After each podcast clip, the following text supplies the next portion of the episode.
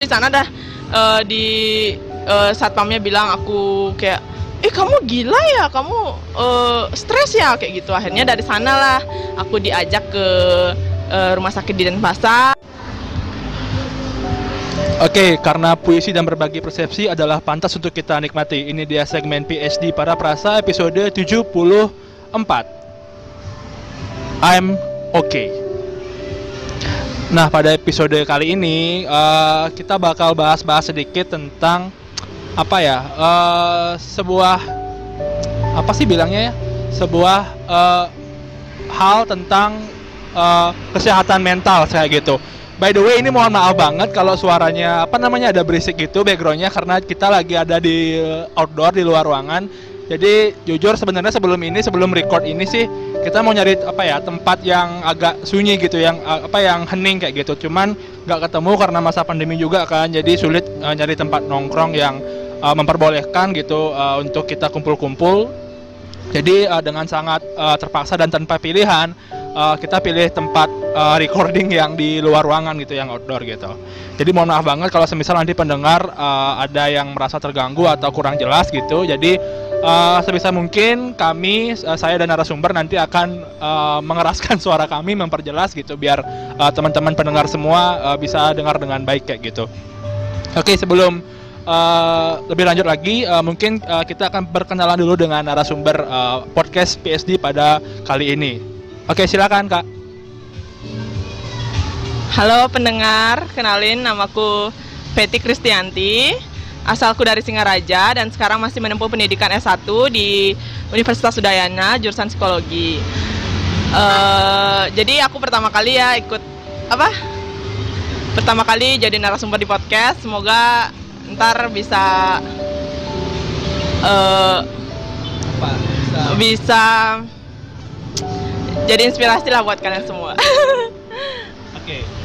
Oke, okay, thank you Kak Feti. Uh, jadi uh, singkat cerita aja, uh, Kak Feti ini uh, kita kenalnya kenal kakak kenal aku SMA ya bilang waktu ini ya? Iya jadi kak Fiti ini kenal aku SMA jadi dulu kita bukan satu SMA tapi beda SMA cuma waktu itu ada sebuah event gitu ketika SMA jadi kita ketemu dan di sana kita kenal tapi baru kenal sekilas doang. Terus kenalnya kenalnya kembali itu sekitar pas kita udah kuliah gitu. Waktu itu kalau nggak salah sekitar tahun berapa ya? Tahun 2016 kalau nggak salah.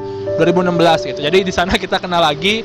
Uh, dari sana baru kita mulai agak ya apa ya uh, lumayan untuk apa uh, bersua uh, baik via uh, baik via media sosial maupun uh, via langsung seperti itu. Nah, uh, jadi sebelum kita lanjut nih kak ke topik pembahasan gitu, uh, first time ketika aku ngajak kakak tuh kan buat apa namanya? Buat uh, ketemu ngobrol di podcast tentang bipolar gitu kan. Uh, apa sih yang kakak pikirin gitu? Apakah ada rasa takut atau rasa seneng atau gimana? Awalnya sih ngerasa kayak gimana ya? Uh, agak ragu juga sih, soalnya uh, apa? Bipolar ini kan masih agak awam ya di masyarakat apalagi to topik kesehatan mental gitu masih agak uh, sensitif gitu. Tapi ketika apa uh, di, di apa dikaji lebih dalam lagi kayaknya menarik untuk dibahas karena banyak banyak orang yang sekarang tuh mulai banyak yang self diagnose gitu loh mendiagnosa diri sendiri. Ih aku bipolar ya aku gini ya aku aku sakit mental ya padahal belum mendapat diagnosa dari dokter kayak gitu. Jadi aku ngerasa excited aja sih uh, uh, apa diajakin podcast kayak gini untuk ngebahas uh, aku sebagai ODB yaitu orang dengan bipolar. Aku pengen berbagi cerita di sini kayak gitu.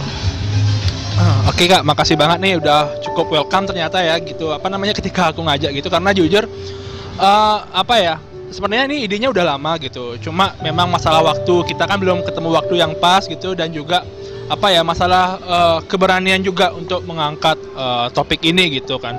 Cuma uh, kembali lagi sebelum kita jauh beranjak lebih dalam lagi jadi tujuannya di sini adalah apa ya kita saling uh, saling bercerita saling sharing pengalaman dari Kak Feti khususnya gimana uh, kakaknya gitu uh, hidup di lingkungan sosial sebagai ODB gitu kan Uh, jadi gimana uh, kisahnya kakaknya? Jadi uh, harapannya sih pendengar di sini mungkin ada yang apa ya? Ada yang uh, mendiagnosa dirinya itu adalah bipolar atau mungkin ada yang menyerang bipolar.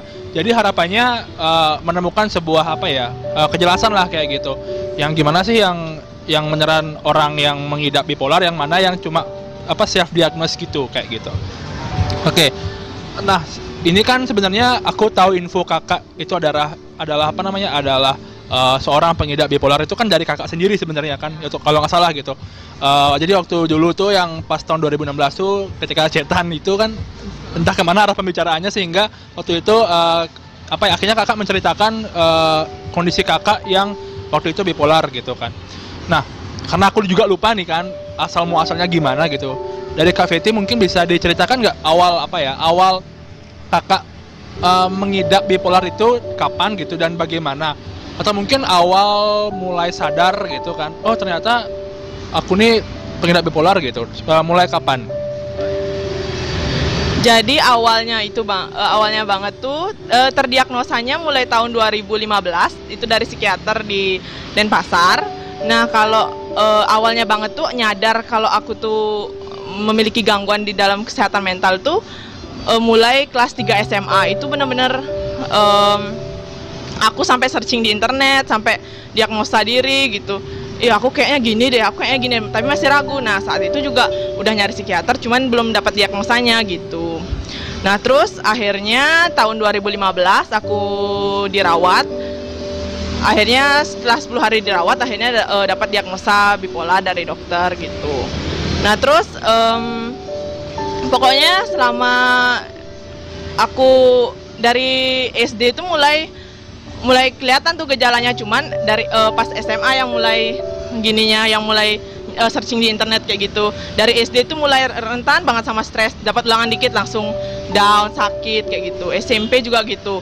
U uh, ujian dapat nilai dikit langsung stres. SMA uh, paling parahnya sampai nggak mau sekolah nggak mau ikut uh, pelajaran kayak gitu. Sampai akhirnya ya diajak ke psikiater tapi belum dapat diagnosa dan akhirnya pas kuliah uh, dirawat masuk rumah sakit karena suatu hal akhirnya terdiagnosa lah aku bipolar kayak gitu. Oke, okay, uh, ini agak sedikit uh, miss ya di awal tadi. Uh, mungkin sebelumnya kita harus uh, clearkan dulu nih definisi bipolar itu apa sih gitu. Uh, karena kan apa ya banyak uh, apa ya definisi-definisi yang uh, bias gitu ada yang bilang kayak bipolar itu perubahan mood gitulah ada yang bilang uh, apa ya perubahan temperamen dan sebagainya gitu uh, ada yang bahkan ada yang bilang kepribadian ganda seperti itu nah dari kak Feti sendiri nih selaku ODB gitu apa sih uh, bipolar itu uh, menurut apa yang sudah kak Feti dapat atau kak Feti pahami dan alami gitu biar kita clear dulu nih gitu nah bipolar itu adalah gangguan uh, gangguan mood atau gangguan suasana hati, hat, uh, suasana hati yang sangat ekstrim gitu. Misalkan perubahannya tuh sangat ekstrim. Jadi uh, misalkan suatu saat uh, senengnya tuh seneng banget dari yang aku alami ya. Jadi kalau sedih tuh sedih banget gitu. Tapi ketika aku udah mengkonsumsi uh, apa uh, obat dan resep dari dokter tuh aku ngerasa uh, sedih dan senengku ya uh, apa ginilah seimbang lah kayak gitu. Nah kalau waktu fase senangnya tuh namanya manik, kalau lagi fase sedihnya namanya depresi. Nah itu tuh perubahannya sangat ekstrim ya, nggak kayak sedih biasa biasa kayak mood swing biasa gitu beda. Jadi bipolar nih um, kita benar-benar terganggu kesehariannya gitu loh, nggak kayak mood swing biasa. Misalkan kalau uh, cewek misalkan PMS gitu, uh, moodnya aduh aku kok sedih ya gitu. Ya aku bipolar ya. Nggak kayak gitu nggak segampang itu menyimpulkan kalau kalian bipolar. Jadi uh, semoga dengan mendengar podcast ini kalian nggak diagnos maksudnya nggak self diagnos ya. Jadi kalau pengen tahu bener-bener ya harus ke ahlinya kayak gitu. Jadi bipolar itu adalah perubahan mood yang ekstrim dari manik ke depresi dari depresi ke manik gitu Oke, okay, thanks uh, Kak Feti untuk informasi awalnya. Nah, kembali lagi ke uh, tadi gitu uh, apa namanya adanya perubahan mood ekstrim dan itu uh, Kak Feti rasakan dari SD uh, bahkan uh, ketika akhir apa namanya akhir masa SMA SMA berarti ya masa SMA itu uh, baru ke psikiater gitu dan ternyata didiagnosis uh, mengidap penyakit tersebut gitu. Nah ada nggak apa ya mungkin kalau kakak bisa ingat-ingat gitu satu pengalaman entah itu SD atau pas kuliah gitu yang apa bilangnya yang benar-benar eh, ekstrim banget gitu. Eh, yang berhubungan dengan bipolar kakak gitu. Apa sih yang kakak ingat gitu? Apa sih rentetan rentetan kejadiannya itu kayak gimana gitu? Seorang bipolar tuh di lingkungan sosial tuh ketika dia kumat itu kayak gimana? Eh, aku lurusin dikit ya. Kalau kalau bipolar itu atau kesehatan men- mental itu kalau bilangnya tuh relapse biasanya. Kalau kumat tuh agak gimana gitu ya. Jadi gini, kalau relapse eh, biasanya tuh dia tuh menonjol gitu loh perilakunya. Kayak waktu aku SMA kelas 2. Jadi kelas 2 itu aku pernah em, jualan karena aku nggak bisa tidur jadi kalau manik itu kita nggak bisa tidur gitu loh A- aku sebagai orang dengan bipolar tuh nggak bisa tidur jadi semalaman nggak bisa tidur akhirnya bikin hal eh, maksudnya ngelakuin hal supaya capek aja gitu loh. Aku bikin pisang goreng habis itu aku jual di kelas. Dan kan laris tuh habis itu aku seneng banget tuh nyanyi nyanyi di, di di di koridor kayak gitu. Sumpah itu bikin malu sih Eh, apa? Eh, nah pas itu sampai eh, bapakku tuh dipanggil sama guru BK kayak gitu. Nah eh, berselang beberapa lama kemudian aku ngerasa kayak sedih gitu loh, nggak ngerti kenapa kok bisa sedih. Tiba-tiba murung aja gitu sampai teman-teman nanyain Vet kenapa? Gitu murung akhirnya. Eh, murungnya tuh kayak gimana ya nggak bisa fokus belajar terus nilai turun juga. Habis itu ya udah gitu pokoknya sedih. Dan itu tuh beda banget kan jadi eh kan dulu seriang banget kok sekarang jadi pemurung gini sih gitu. Jadi teman-teman juga udah nyadar cuman mereka ya eh, mungkin karena kurang eh, nggak tahu gitu. Jadi kayak oh eh, ih mungkin Fetty nih gini nih gitu. Cuma mengira menduga-duga aja kayak gitu. Oke tadi apa istilahnya? Kak? relapse apa? Relapse. Oke. Nah itu kan relapse pas SD ya tadi ya? SE oh SMA yang ada sih yang dulu kakak bilang tuh yang apa sih? Aku masih agak-agak agak-agak lupa-lupa ingat gitu loh. Yang yang yang kuliah yang kakak lari dari apa di Renon tuh kan? Di lapangan Renon. Ya itulah kan. Jadi itu Oke, eh, itu itu gimana sih kak? Aku soalnya lupa lupa ingat kejadian awalnya gimana sampai pada akhirnya kakak dirawat kan waktu itu kan sampai gimana tuh aku lupa soalnya. Nah, waktu itu eh aku mulai kan eh, apa? Ini belum didiagnosa nih waktu kuliah nih. Aku lari pagi kan sama temanku. Nah, waktu itu emang udah pikiranku udah eh, gimana ya? Kayak ngerasa lagi kayak oh ini kayak waktu SMA nih gitu. Cuman waktu itu kan belum dapat diagnosa jadi masih mengira-ngira aja masih diagnosa diri kayak gitu. Nah, itu dah habis tuh eh kan lari ke Renon gitu sama temanku tiba-tiba kepikiran dan aku semalamnya mimpi sesuatu yang aneh gitu akhirnya aku ke eh, karena lapangan Renon itu dekat sama kantor kantor eh, gubernur gitu aku ngeberaniin diri waktu itu emang kayak kalau manik tuh kita tuh kayak mikirnya tuh aneh gitu loh. Kayak eh, di luar normanya di luar di luar normal gitu dah pokoknya heeh. Abis itu eh, ya udah waktu itu aku ke sana demo em, apa demo pokoknya demo tentang pem- eh, apa kebijakan pemerintah gitu sendirian. Temanku udah aku suruh pulang waktu itu. Aku sendirian nolak nolak itu nolak eh, eh, kebijakan pemerintah itu. Dan akhirnya aku di sana dah eh, di eh, satpamnya bilang aku kayak eh kamu gila ya kamu eh, stres ya kayak gitu. Akhirnya dari sanalah aku diajak ke eh, rumah sakit di Denpasar aku dirawat 10 hari dan akhirnya aku didiagnosa bipolar kayak gitu.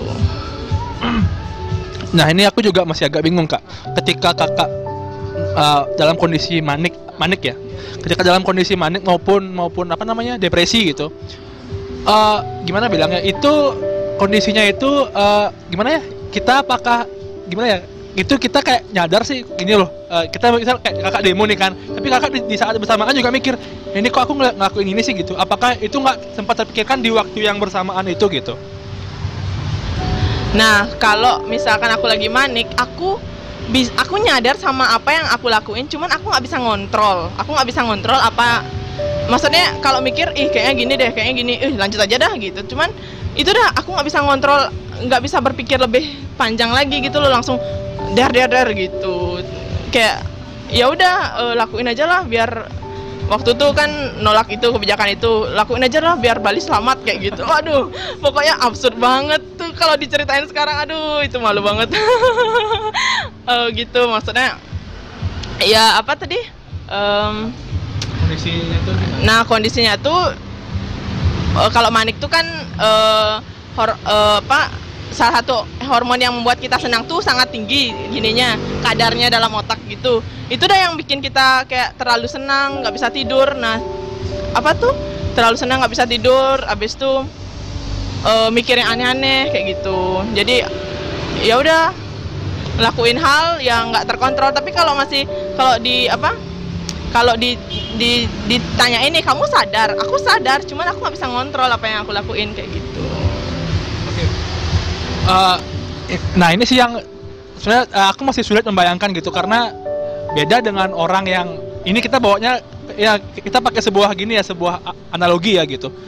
Kalau orang yang katakanlah di, di Bali itu ada kesurupan gitu kan. Nah itu kan konteksnya dia tidak sadar. Maksudnya ketika mungkin dia pas ke, ke- apa kesurupan itu dia teriak-teriak apa terus pingsan bangun-bangun dia eh aku ngapainnya tadi gitu nggak? Apakah eh, analoginya tuh seperti itu atau gimana bilangnya? Seperti eh, apa bilangnya?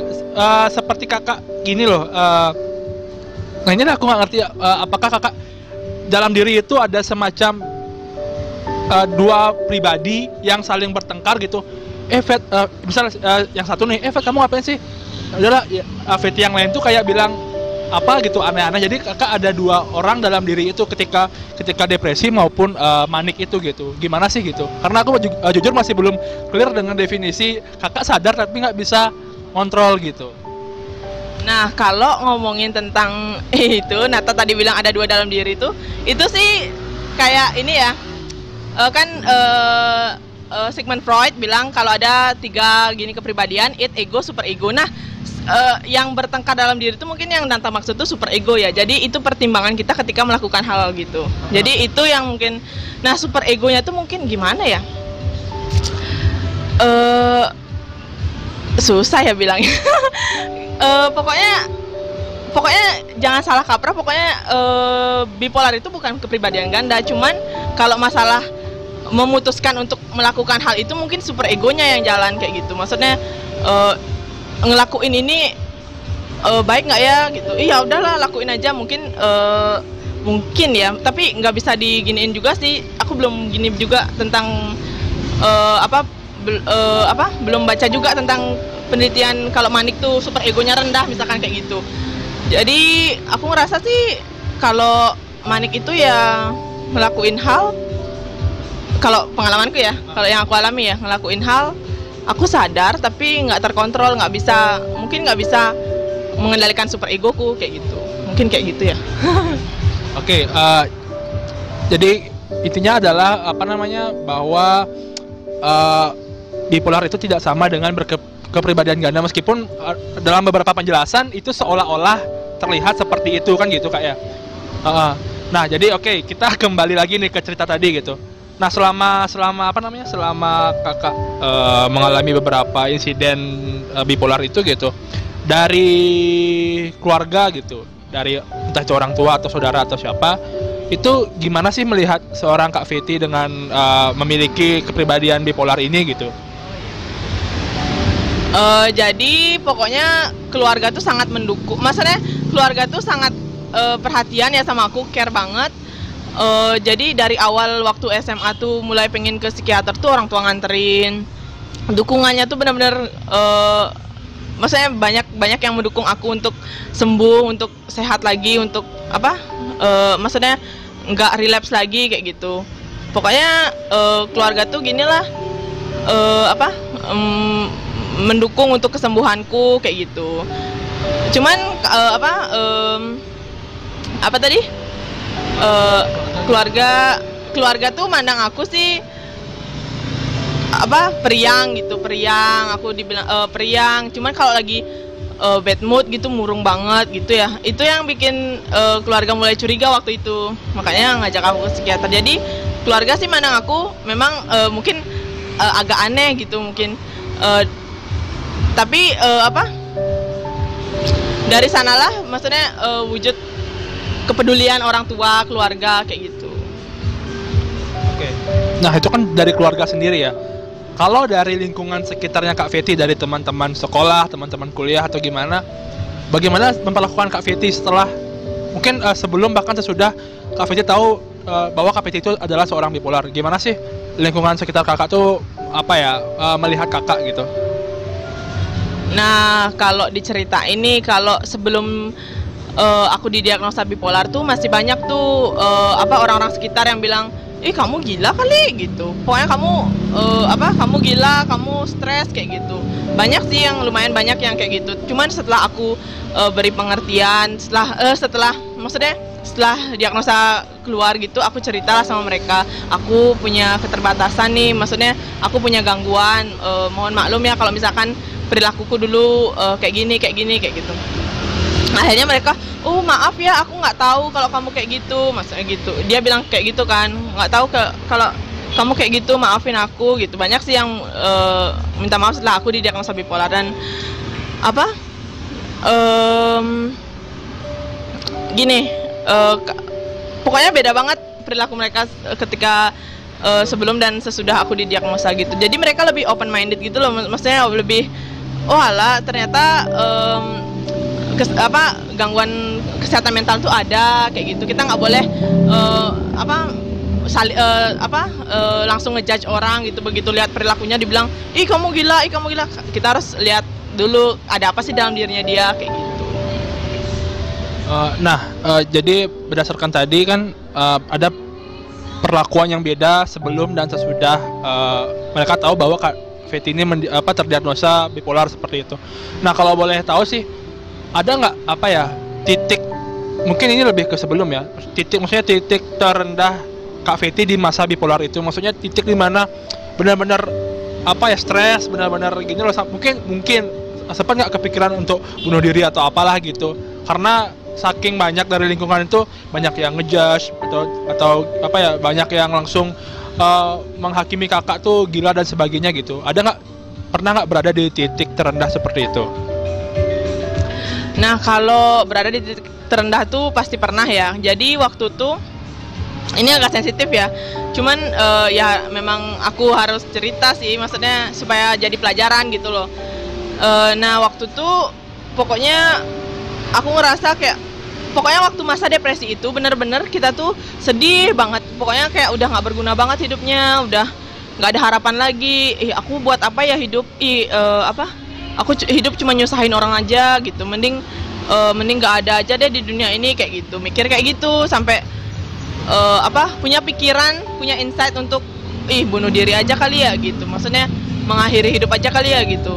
Tapi akhirnya nggak dilakuin sih karena itu cuma pikiran aja. Cuman kalau misalkan kalau udah sampai ada pikiran seperti itu harus udah langsung ke profesional untuk mendapat penanganan kayak gitu. Karena kalau udah udah fatal gitu itu bahaya banget gitu loh Uh, jadi uh, saranku sih misal uh, buat pendengar misalkan kalau udah ada ada di titik, titik terendah itu kita pasti memerlukan profesional untuk uh, membantu kita gitu. Kita uh, kan hidup uh, sebagai manusia tuh nggak nggak apa uh, mustahil ya kalau kita nggak butuh pertolongan orang lain. Kita pasti butuh pertolongan kayak gitu.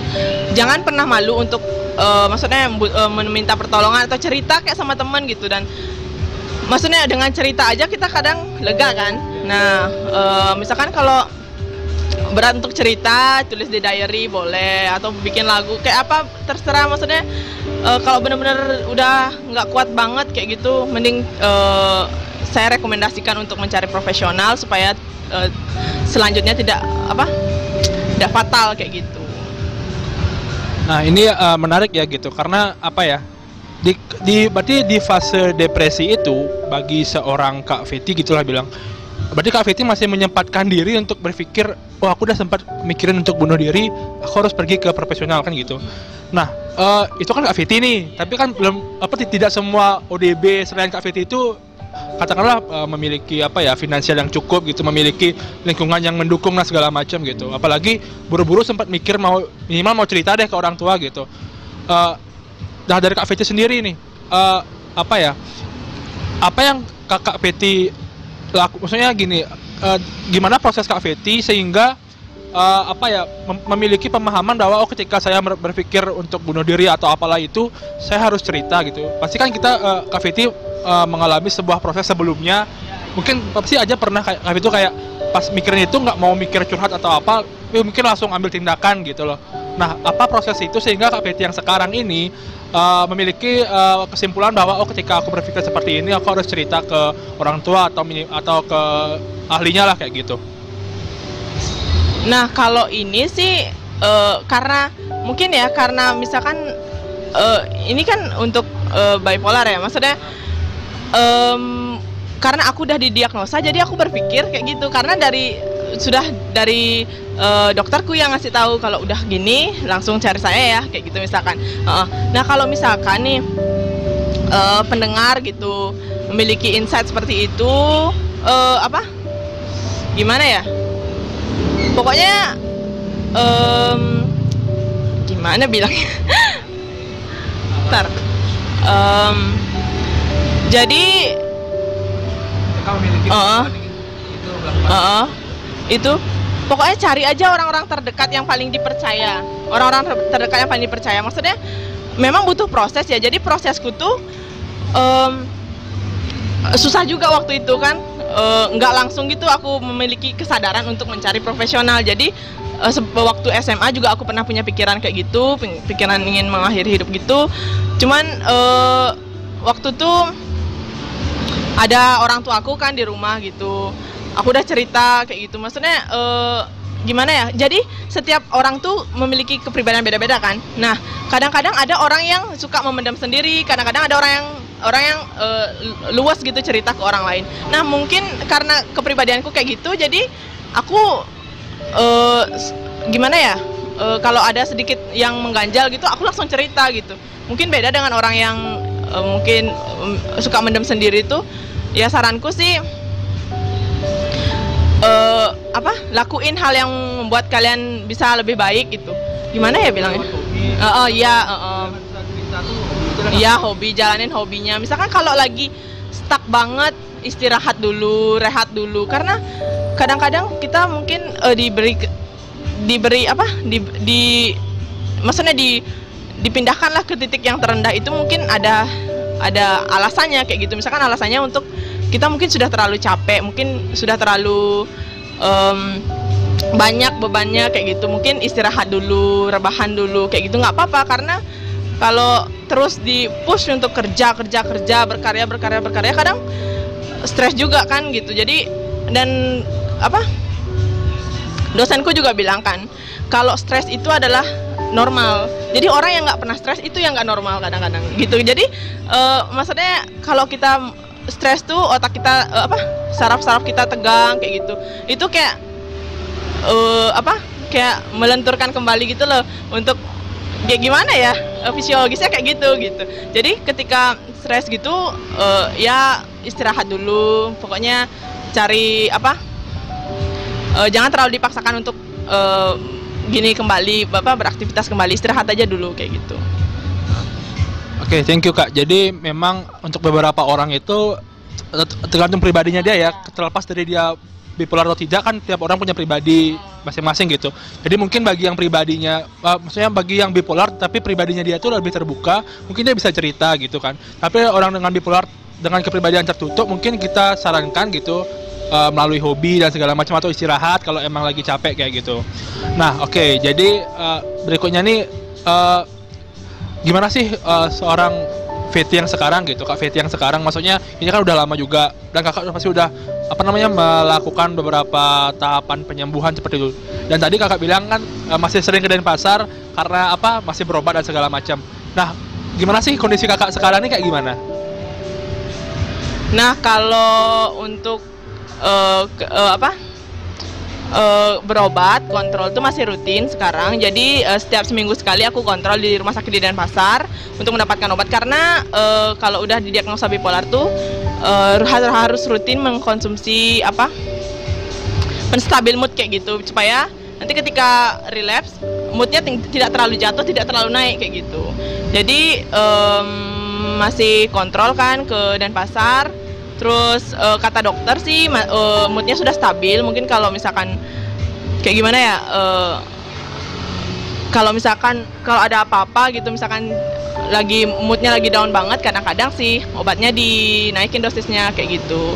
Cuman eh, ya apa barengi juga dengan apa ya misalkan aku kan suka musik kan maksudnya suka dengerin musik gitu. Kalau misalkan moodku lagi down itu aku dengerin musik kayak gitu supaya bar apa seimbang gitu loh dengan pengobatan dokter dan dari dalam diri kayak gitu. Jadi kata dokter sih aku udah stabil udah eh, lumayan udah udah lama sih aku nggak relapse lagi kayak gitu. Ya pokoknya kalau eh, bipolar itu istilahnya bukan sembuh sih tapi terkontrol kayak gitu. Jadi eh, kadang-kadang apa kita mikir eh bipolar tuh bisa sembuh nggak sih bipolar itu eh, terkontrol sih nggak relapse lagi gitu tapi kalau misalkan ada stresor lagi bisa aja relapse lagi kayak gitu Nah, eh, jadi tadi itu adalah apa ya? Mungkin juga langsung se- secara tak langsung memberikan apa ya eh, saran gitu bahwa eh, maksudnya bu- bukan saran sih eh, pandangan bahwa eh, apa namanya eh, bipolar ini tuh eh, untuk saat ini belum bisa dikatakan apakah bisa sembuh atau tidak. Tapi sejauh ini eh, bahasanya itu pakainya bahasanya tetap kontrol untuk apa ya eh, mungkin tidak akan hilang tapi setidaknya bisa menstabilkan gitu kan emosinya gitu. Ah, nah sekarang nih kita agak mungkin agak sedikit out of bukan out of, bukan out of topic tapi lebih ke nyimpang dikit gitu. Apakah pernah seorang kak Feti dengan bif- eh, apa kepribadian bipolarnya ini pernah memiliki pasangan? Maksudnya pasti menurut, menurut kita sih pasti akan gimana gitu kehidupan seorang uh, pengidap bipolar yang memiliki pasangan yang notabene mungkin normal juga. Mungkin normal atau bipolar gitu. Gimana sih kehidupan kak Fet apa berpasangannya kak Feti gitu? Jadi eh, apa? Aku pernah punya pasti ya pernah punya pacar gitu. Maksudnya eh, dan pacarku tahu aku bipolar. Jadi waktu pertama kali dia menyatakan kalau dia suka sama aku dia dia pengen jadi pacarku kayak gitu. Aku ceritain ke dia aku tuh punya gini aku tuh punya gangguan apakah kamu mau nerima aku gitu. Dia bilang iya aku aku bisa nerima asalkan maksudnya dia bilang aku bisa nerima eh, dan kita coba jalanin dulu gitu. Akhirnya dia pernah eh, pokoknya gimana ya eh, dia dia sering aku ajak ke dokter sering kita ngobrol sama-sama kayak gitu. Gimana ya dia tuh eh, ngerti banget sama keadaan aku gitu. Misalkan aku lagi sedih dia eh, eh, chat lah dokterku dok gimana ya Feti lagi murung banget gini gini gini gitu. Oh ya udah besok eh, ajak kontrol ya kayak gitu. Misalkan kayak pengertian gitu aja. Pokoknya gimana ya? Kalau ngomongin pasangan ya gitu.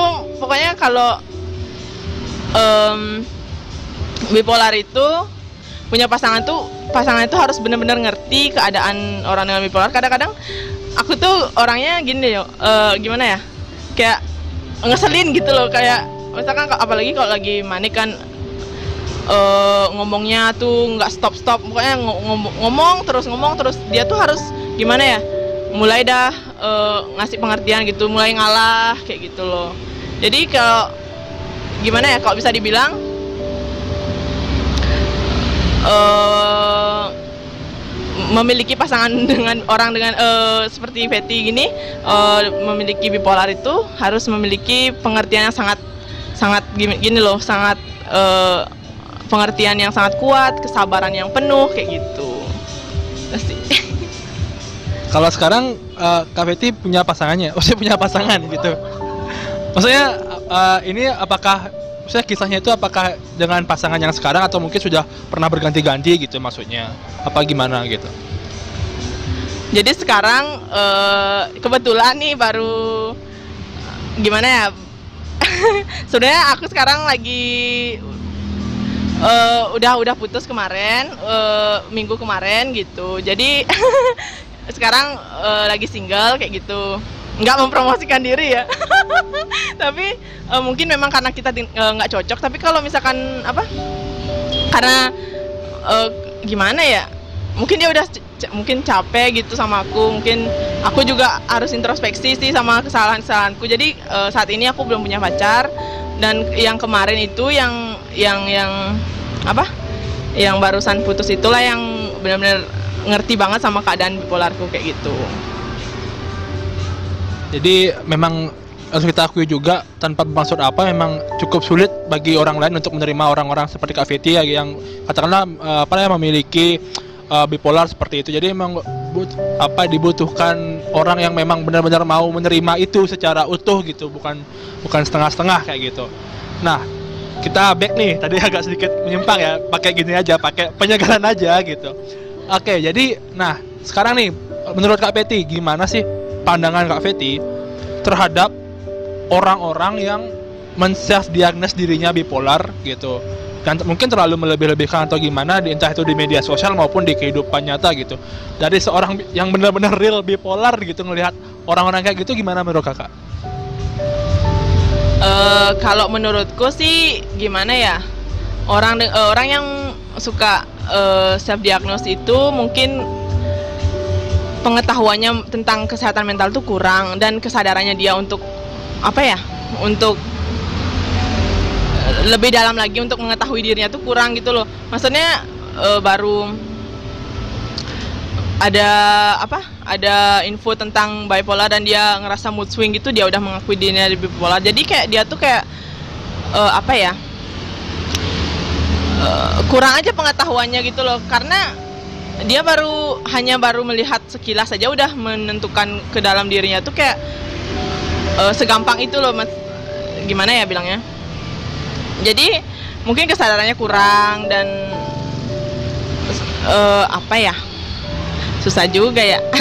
Aku nggak berobat uh, uh, tapi uh, kita nggak bisa menyalahkan juga ya karena uh, sekarang kan uh, di apa media sosial udah gini udah udah udah marak banget kan ya? Maksudnya kita udah uh, hidup di, di zaman digital gitu kan?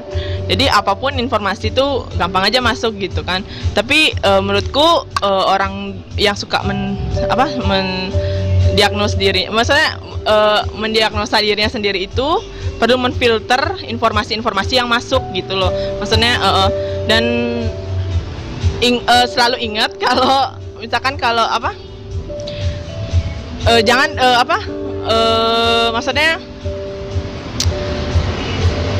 gimana ya? Uh, pintar-pintar memfilter mensaring informasi yang masuk dan nggak apa-apa. Maksudnya mencari profesional tuh nggak apa-apa. Kalau misalkan udah mengganggu diri banget nggak apa-apa mencari profesional. Karena gimana ya? Kalian jangan takut dibilang ih nyari psikiater berarti gila nih gitu. Itu kan judgement dari dari orang-orang awam ya. Maksudnya um, ya udah nggak usah dipeduliin gitu loh. Maksudnya kalau kalian sadar dengan diri kalian kalian sayang sama diri kalian pasti kalian gimana ya uh, bisalah kayak uh, apa? Oh ya udah deh aku mau ke sana aja biar aku tahu nih gitu. Biar kayak gitu. Kesadarannya dan uh, untuk apa kesadaran diri untuk memfilter informasi itu penting sih. Jadi memang karena kalau dari aku sih ya kenapa orang-orang tuh mungkin banyak yang self diagnose dirinya sendiri uh, bipolar itu atau berkepribadian ganda atau apalah gitu. Karena memang juga kan semakin ke sini itu orang-orang tuh gampang banget stres gitu bahkan untuk hal-hal yang kecil gitu. Contohnya ada kayak misal uh, mau beli ini tapi nggak punya uang aduh stres gitu kan. Maksudnya kita sekarang lebih gampang stres gitu untuk hal-hal yang dari tingkatan sepilih sebenarnya gitu. Nah mungkin apa ya karena juga berasal dari pribadi yang mungkin agak berlebihan atau gimana sehingga langsung dia mengejas uh, apa sih stres yang untuk hal kecil itu sebuah depresi yang di, di diwahkan banget gitu. Itu sih yang pertama. Terus yang kedua dari uh, apa namanya dari uh, omongannya kak Betty tadi bahwa ya nggak apa-apa gitu ke profesional ke ahlinya gitu. Even though meskipun pada akhirnya semisal nih dia dijudge oh ternyata dia tidak bipolar gitu. Maksudnya hanya untuk mendapatkan sebuah diagnosa itu aja untuk mengklirkan apa namanya mengklirkan uh, sebuah uh, apa namanya uh, potensi stres yang ada di diri mereka kayak gitu. Nah mungkin ya uh, sebelum ke closing statement gitu. Dari semua obrolan kita tadi ini gitu uh, bagi kakak uh, sendiri gitu uh, gimana tang, uh, pandangan masyarakat terhadap bipolar saat ini yang kakak tahu tuh kayak gimana? Apakah masih tabu kah atau sudah mulai open minded kah karena sejak pandemi ini mungkin gitu ya atau gimana? Jadi kalau menurutku uh, apa? Sekarang ini orang-orang sudah mulai sih open minded sama bipolar apalagi ketika aku tahu in- ada satu influencer yang apa terbuka gitu eh ngob- apa eh, di YouTube-nya kalau dia tuh adalah seorang ODB kayak gitu. Nah, kan influencer itu kayak menginfluence, mempengaruhi orang-orang lain. Maksudnya kayak menyebarkan informasi kan. Nah, orang-orang sudah mulai tahu apalagi generasi muda sekarang udah mulai tahu, udah mungkin eh, apa udah mulai tahu tentang bipolar gitu udah nggak nggak terlalu seawam dulu ya waktu waktu aku SMA tuh udah masih awam banget tuh bipolar tuh jadi sekarang udah mulai open minded udah eh maksudnya udah udah eh, nggak terlalu tabu lagi maksudnya nggak awam lagi gitu dan eh, apa? Di sana juga ada penjelasan dokternya kalian juga bisa nonton di YouTube-nya. Eh, terus eh, gimana ya? Eh, apa tadi? Em, pandangannya. Nah sekarang tuh udah eh, menurutku sih udah eh, open minded sih. Dan misalkan kalau generasi muda tuh kayak eh, suka nonton YouTube kan nah dia ceritalah sama orang tuanya pas ternyata ada loh eh, gangguan mental kayak gini gitu. Adik pengen nih eh, eh, untuk tahu kayak gitu kayak gitu maksudnya alurnya tuh kayak gitu. Jadi eh, anak muda tuh mulai dah cerita sama orang tuanya eh, apa eh, dapat info dari media sosial kayak gitu. Terus cerita sama orang tuanya orang tuanya juga mulai mulai melek kayak gitu sama eh, isu kesehatan mental kayak gitu. Oke, jadi eh, terakhir nih gitu eh, closing statement lah dari Kak Feti untuk eh, mereka yang sekarang ini eh, sedang berjuang juga dengan bipolarnya atau mungkin juga untuk mereka yang self diagnose tentang bipolar atau mungkin juga ada mungkin kakak atau adiknya yang yang punya bipolar gitu. Saran kakak untuk orang-orang ini tuh apa? Untuk at least bisa berdamai dengan dirinya sendiri gitu. Nah, pesanku buat eh, orang-orang kuat yang masih berjuang untuk eh, sebagai ODB, orang dengan bipolar, sara- eh, apa? Pesanku kalian tidak eh, apa maksudnya? Eh, closing statementku ya. eh, kalian tidak sendiri, masih banyak yang sayang sama kalian. Maksudnya eh, kalian pas eh, kalian banyak punya temen yang pa- pasti mengerti kalian gitu loh. Dan kalian tuh hidup nggak apa? Kalian nggak sendiri pokoknya. Pokoknya banyak yang sayang sama kalian dengan keterbatasan kalian mungkin. Tapi eh, jadikan itu sebagai motivasi untuk selalu apa semangat dalam menjalani hidup kayak gitu. Dan untuk orang yang mendiagnosa diri sebagai bipolar mungkin kalau mau kalau benar-benar penasaran banget gitu sampai pengen dan itu tuh misalkan kalau memang benar maksudnya memang udah mengganggu banget kalian bisa pergi ke profesional stop menjudge stop eh, mendiagnosa diri sebagai bipolar kayak gitu. Karena itu tuh perlu ben memang benar perlu eh, diagnosa dari dokternya itu. Dan untuk orang-orang seba- yang merupakan teman eh, orang dengan bipolar gitu. Temani teman kalian sayangi mereka dan beri- berikan pengertian gitu. Mereka berbeda namun mereka tetaplah teman kalian gitu loh. Maksudnya eh, sayangi sayangi mereka dan beri pengertian dengarkan cerita mereka juga kayak gitu. Oke, makasih banget Kak untuk closing statement tadi. Semoga uh, episode kali ini benar-benar memberikan banyak ilmu uh, kepada kita semua ya, khususnya tentang uh, apa kebipolaran gitu gitu. kebipolaran asik. Ah, jadi uh, sekali lagi terima kasih banget untuk pendengar yang sudah mendengarkan sampai akhir dan kami juga mohon maaf kalau ada salah-salah kata baik yang menyinggung, baik yang sengaja maupun tidak sengaja gitu. Dan juga mohon maaf banget nih kalau di pertengahan rekaman gitu ada suara-suara ribut, truk dan sebagainya karena sekali lagi kita di outdoor gitu dan sekarang ada lagunya siapa lagi nih? kalau teman-teman dengar backsoundnya uh, Ichiran ya, Ichiran ya, ya Ichiran ya. Oke, ini closing song katanya backsoundnya.